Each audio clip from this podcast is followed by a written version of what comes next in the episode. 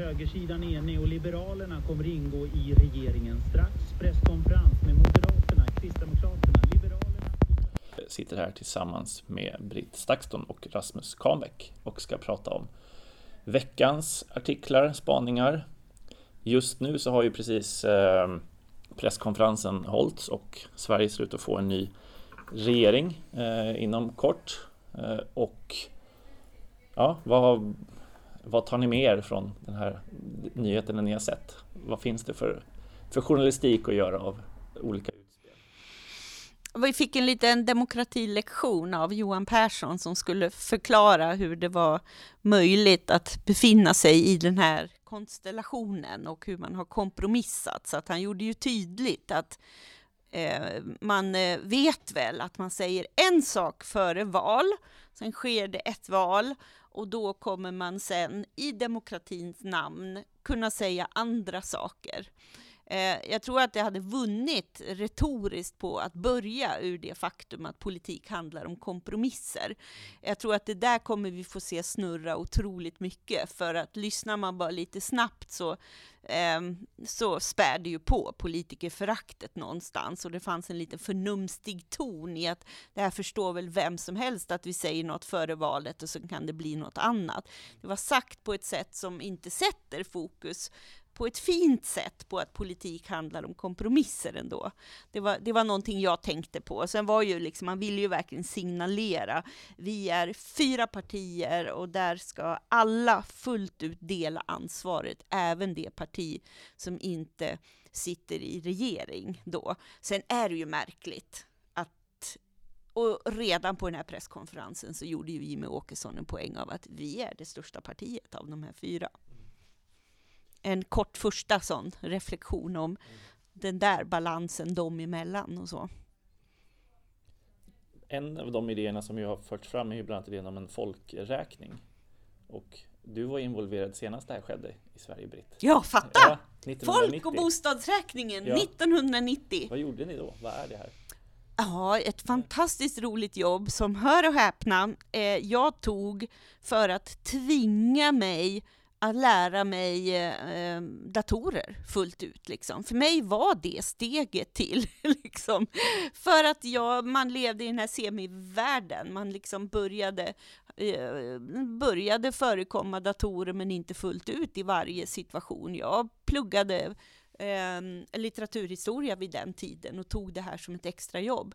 Eh, och vi satt ju och ringde upp folk faktiskt. Och det handlar ju om att eh, ta reda på vilka som bor i ett hushåll. Och eh, när vi tittar på Wikipedia-definitionerna och beskrivningar av olika, eller när myndigheter beskriver folkräkningens syfte, så ska man förstå samhället mer. Men du reagerade direkt och tänkte på att folkräkningar... Alltså det känns lite utvecklingsland-varning på det kände jag. Alltså folkräkningar är ju något som diskuteras väldigt mycket. Ja, men Etiopien är ju en stor fråga. Hur många är de olika folkgrupperna? Eh, och eh, hur pass, ja, många röster har man ut, utifrån det och så. Att det alltid är en väldigt ja, men politiskt laddad fråga som, som det är alltid mycket diskussioner om. Man kräver olika nya folkräkningar och man baserar vallängder och annat på äldre folkräkningar. Vi har ju personnumret som man har känt är ett sånt sätt. Men jag, nu när vi pratar om det så kommer jag att tänka på Alltså det var ju väldigt vänliga samtal, för att det syftar ju till att ta reda på att man verkligen bor där man säger sig vara folkbokförd. Mm. Och eh, jag bara föreställer mig i en sociala medietid hur alla de här samtalen och diskussionerna om hur det skulle kunna bli väldigt arga outtakes också på den här kontrollen som sker eh, på något sätt. Men det, det, var ett väldigt speciellt jobb, väldigt roligt ändå. Eh, eh, ja, intressant. Ja, det är ju, det, det är ju ändå 31 32 år sedan som jag ja. gjorde den senaste folkräkningen. Men vad var syftet då? Vad skulle vara syftet vara nu om vi skulle jämföra? Ja, och framförallt ska man ju tänka, det står ju faktiskt FN rekommenderar var tionde år, men det är ju globalt sett över, och vi är ju ändå ganska unika med den här kontrollen på varandra som vi upplever oss ha genom personnumret och just folkbokföringen. Det det, jag menar, titta bara i Storbritannien. Eh, du går ju fortfarande med elräkningen för att liksom legitimera dig på något sätt och så. Men eh, här känner man ju, det var ju Jimmy Åkesson som presenterade det här och, och formulerade ju som storskalig nationell folkräkning. Och det är klart att man känner det, eh, att det är kopplat till eh, att få en, en helhetsbild över eh, hur stora familjerna är och hur många som befinner sig i, i alla hushållen och så, helt enkelt. Eller hur? Eller vad tänker ni?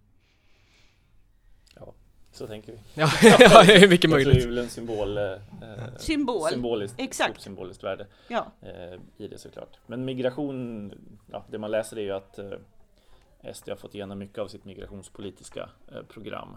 Eh, och jag tänker vad gäller migration och uppehållstillstånd i veckan så kom ju också nyheten eh, om att efter jag säga rätt här, 55 dagar i förvaret så släpptes ju Snar eh, Boskort, precis ja. Eh, det var slutet på augusti som du Rasmus skrev den första artikeln om att han hade gripits. Och sen Mm. har du träffat honom i förvaret och följt honom.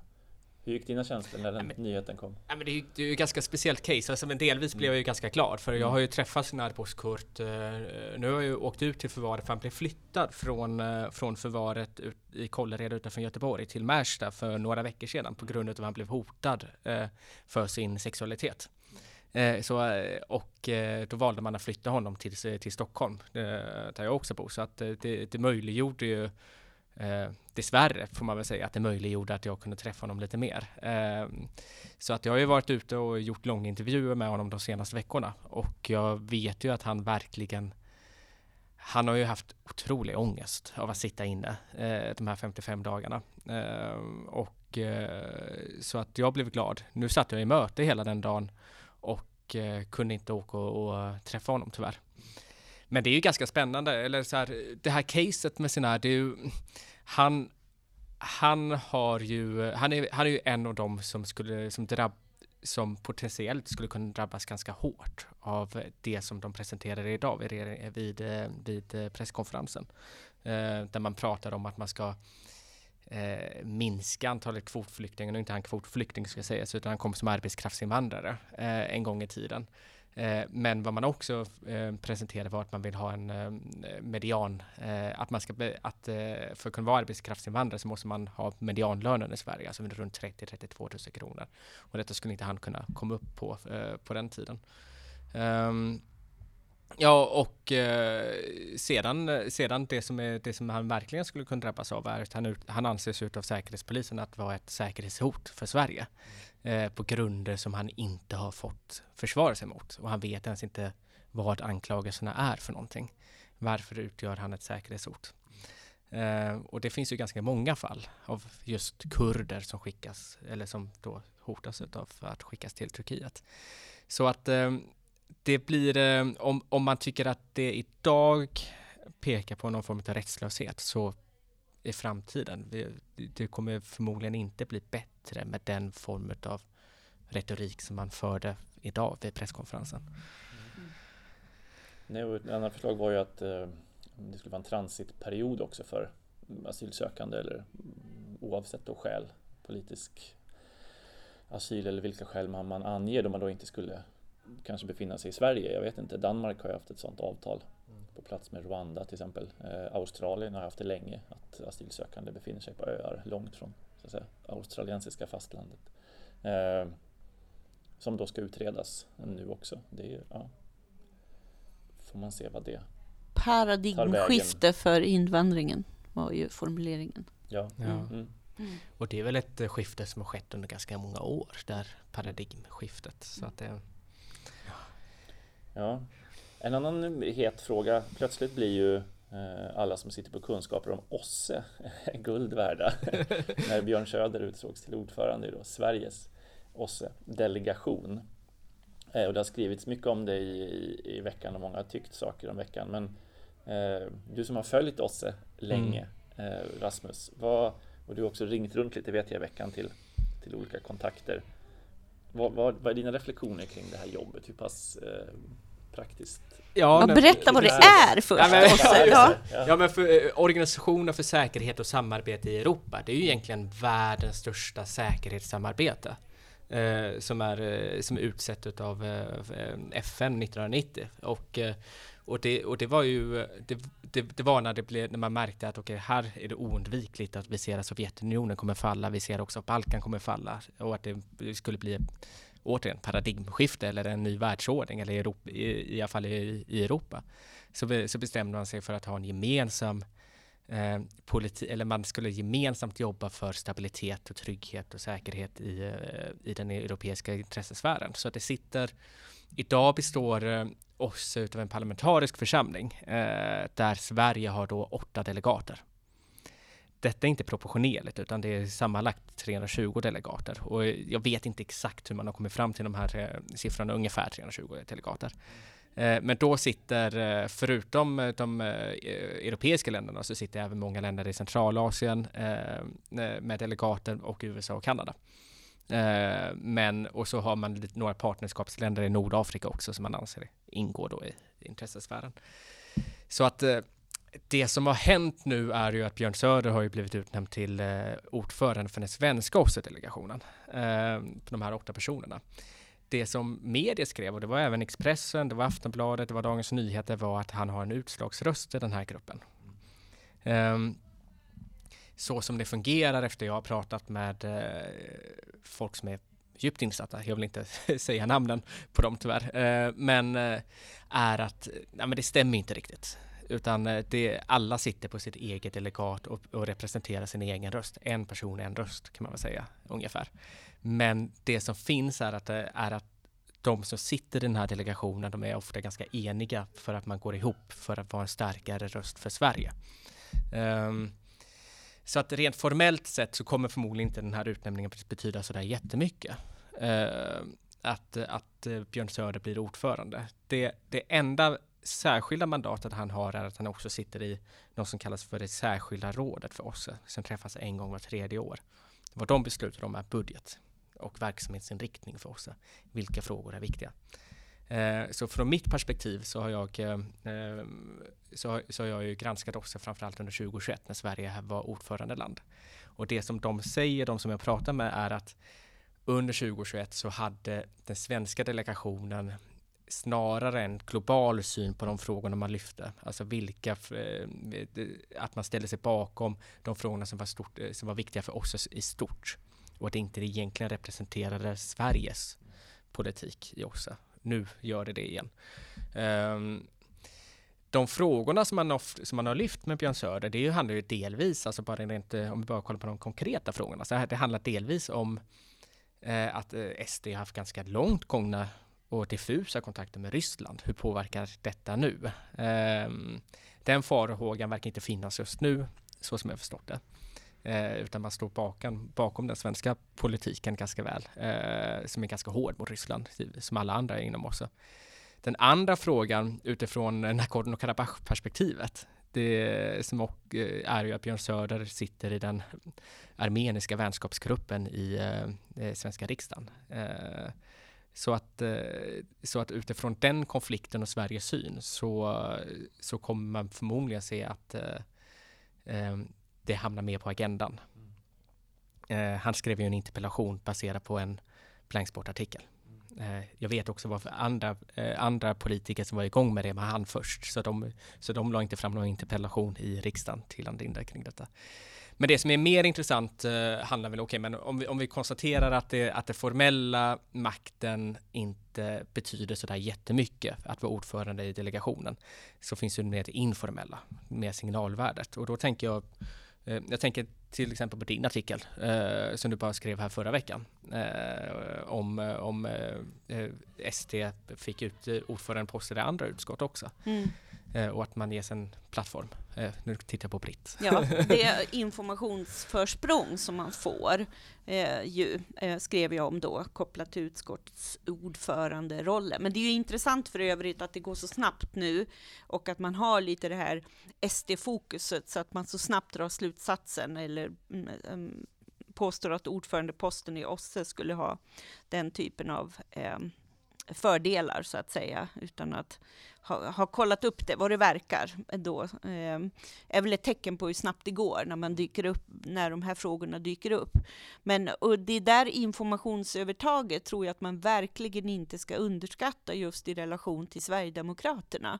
Det är liksom deras eh, specialgren, att då se de här stora övergripande trenderna och se till att starta rörelser mot eller för det som sker. Det är, liksom, det, det är en specialgren av deras eh, eh, eh, eh sätt att, att växa som, som rörelse, mm, eh, som, som är så tydligt. Sen är det ju klart att det är ju liksom, OSSE för mig i liksom bevakning av demokratirörelse eller bevakning av val över världen så är det ju där man känner till OSSE för valobservatören och att det är så otroligt demokratistärkande, demokratiutvecklande fokus. Och, och, har man då följt Sverigedemokraterna i lång tid, som jag har gjort på nätet till exempel, så upplever man ju alldeles oavsett att vi har ett demokratiskt val bakom oss och, och, det faktum att Sverigedemokraterna har den positionen har i Sverige idag, så är det ju ändå ett, ett parti som har använt nätet på ett sätt som har varit eh, tvärs emot liksom en demokratiutveckling i, i, en, i en positiv bemärkelse, där som, som det finns en, en stark rörelse runt som, som absolut har drivit på hat och hot mot förtroendevalda och har liksom haft, så väldigt, väldigt tidigt så såg man ju att med de eh, perspektiv på frågor som Sverigedemokraterna har så hade de en nätrörelse som gav sig på Eh, personer och aktörer på ett sätt som var spännande att prata med förtroendevalda politiker i etablerade partier som sa att då, eh, från åren 2008 till, 2008 till 2012, att ja, vi ser ju det där, men skulle vi agera så, så är det antidemokratiskt enligt vårt sätt att jobba med de här frågorna. Eh, sen vill jag inte ens närma mig frågan om hur andra partier har närmat sig det här faktumet, men det där är ju något som Sverigedemokraterna så tydligt har, har liksom, det har funnits runt om och i deras eh, parti, så, som jag tror gör att reaktionerna blir så här starka mot att ha Björn Söder just i den här nyckelpositionen, för att OSSE är demokratiutveckling mm. och demok eh, eller hur? Ja men absolut, ja. Och, ja, men verkligen och, eh, och sedan den här positionen att det, man blir ju någon form av toppdiplomat på den internationella scenen också så att eh, och kommer föra sig i de här rummen. Nu har han visserligen suttit i OSSE-delegationen tidigare men nu sitter han i OSSE-delegationen med en titulering som också blir ganska viktig. och jag vet att Patrik också den gick ganska snabbt ut och, och sa att eh, att Sverige har en tradition att stå för mänskliga rättigheter och, och, och värden och så vidare. Och även OSSE som, som institution eh, är ju, har ju en högst demokratisk ideologi i grunden. Eh, där man pratar om säkerhet, man pratar om, eh, om informationstrygghet och, och, och så vidare. Där, eh, där, där vi kan se att Björn Söder under ganska lång tid har skilt sig från hur man ser, hur man ser på de här frågorna eh, från, eh, från ett svenskt håll i alla fall. Mm. Eh, så att... Man hade ju eh, val, kanske inte Björn Söder själv, men visst hade SD valobservatörer på Krim mm. under det här valet. Så. Ja. Valet inom situationstecken. Ja, ja. Som Ryssland arrangerade. Precis. Det är ju inte så länge sedan ändå det ägde rum. Ja. ja. Ja men spännande. Och också spännande med, som du säger, hans eh, bakgrund som på den pro-armeniska sidan då i, i konflikten. Mm. Vad det kan spela för roll med tanke på OSSEs fredsambitioner i regionen. Ja. Precis. Om det är en fördel att han är kunnig om konflikten eller om det är en nackdel att han upplevs som en aktör då. Ja, min, min upplevelse ja. när jag har följt honom i den, just mm. i den konflikten är att han har en eh, en ogenerat eh, pro-armenisk mm. syn på ja. den, eh, vilket, vilket kan upplevas som odiplomatiskt. Mm. Hoppas att Azerbajdzjans ambassad lyssnar. Eh, Anna, jag har i, i, veckan som också berör fred och konflikter i vårt närområde, men eh, börjat läsa Carl Bildts eh, memoarbok, eller memoarbok är det egentligen inte, hans senaste bok kan man säga, Mina krig. och första reflektionen är väl att man, man, att han har valt krigen med ganska stor omsorg. det är inte ett ord om Sudan till exempel, eller om Lundin och verksamheten där. Mm. Lundin nämns på ett ställe och det är när han eh, när det börjar braka loss i Libyen och han dras in där och eh, konstaterar då att men han har ju varit i Tripoli innan och träffat eh, Gaddafis män men det var ju när han var där med Lundin-hatt på sig och skulle eh, sluta oljekontrakt. men nu är han här och ska då eh, få in svenska JAS-plan som ska fotografera under den här insatsen i Libyen. Eh, så att, ja, ja det... Eh, där finns det ju saker att, att kritisera kring den här selektiva perceptionen på något sätt. Vilka krig man, man väljer ut och vilka man inte väljer ut. Och hur man någonstans hanterar, hanterar kritik. Jag är inte klar med den än ska sägas. Eh, men det är, jag har ändå kommit halvvägs så jag känner lite att men det är en ganska given kritik. Ja, Bildt Sudan, han nämner inte det. Nej, pang bom liksom. Den dörren är ju inslagen öppen men kanske måste sparkas in igen ändå. Eh, men så finns det någonting att han känns lite som en statsman av en annan tid. En, en, en tid då Ja, men jag tänker på OSSE och liksom diplomatin och de här institutionerna som växte fram liksom efter andra världskriget. Och, eh, att det, det händer någonting med liksom efter den arabiska våren och liksom när diplomatin också möter sociala medier. Där har han visserligen varit tidigt ute men ja, jag vet inte, jag har inte riktigt landat i tanken där men det är något att ja, det känns lite som en svunnen tid att läsa om en tid då personer som Bildt var utrikesministrar. Att det kanske hamnar i, eh, kommer få se ett annan typ av en annan typ av ministrar eller en annan typ av eh, jag vet inte, diplomati framöver.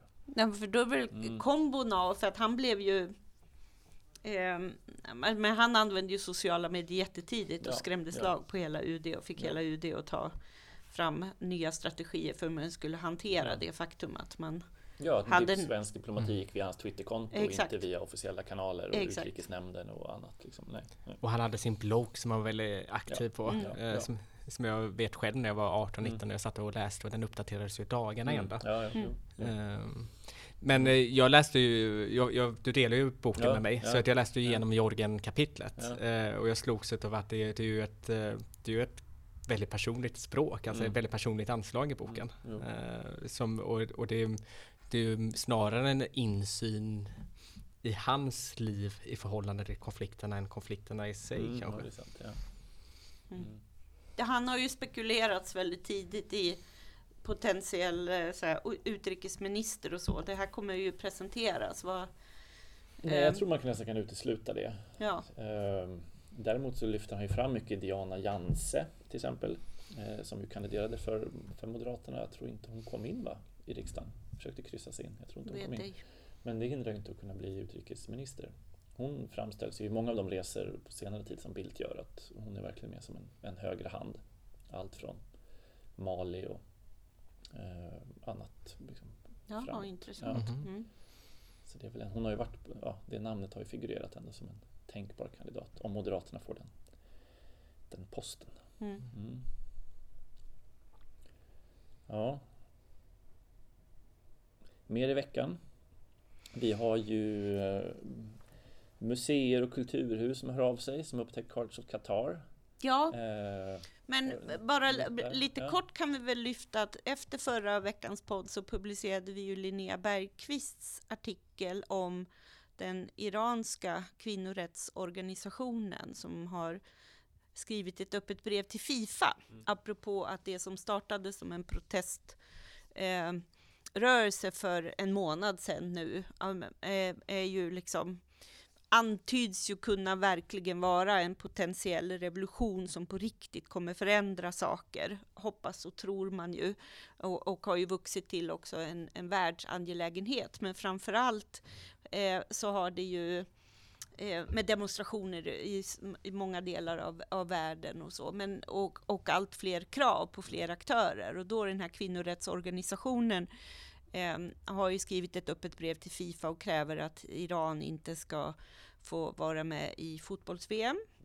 Eh, men framförallt tyckte jag att den artikeln var en, ett sånt eh, ett fint exempel på att bli påmind om hur länge den här kampen har varit. Att det är liksom, och det vet ju alla som känner till eh, konflikten sedan tidigare, men jag tror ju att det som händer i Iran är något som väldigt många tittar bort eh, eh ifrån och inte förstår och känner att det är för komplext och så. Jag tycker att hela analysen av vad som pågår har varit också någon slags folkbildning i skillnaden på islam och isla, mm, islamism.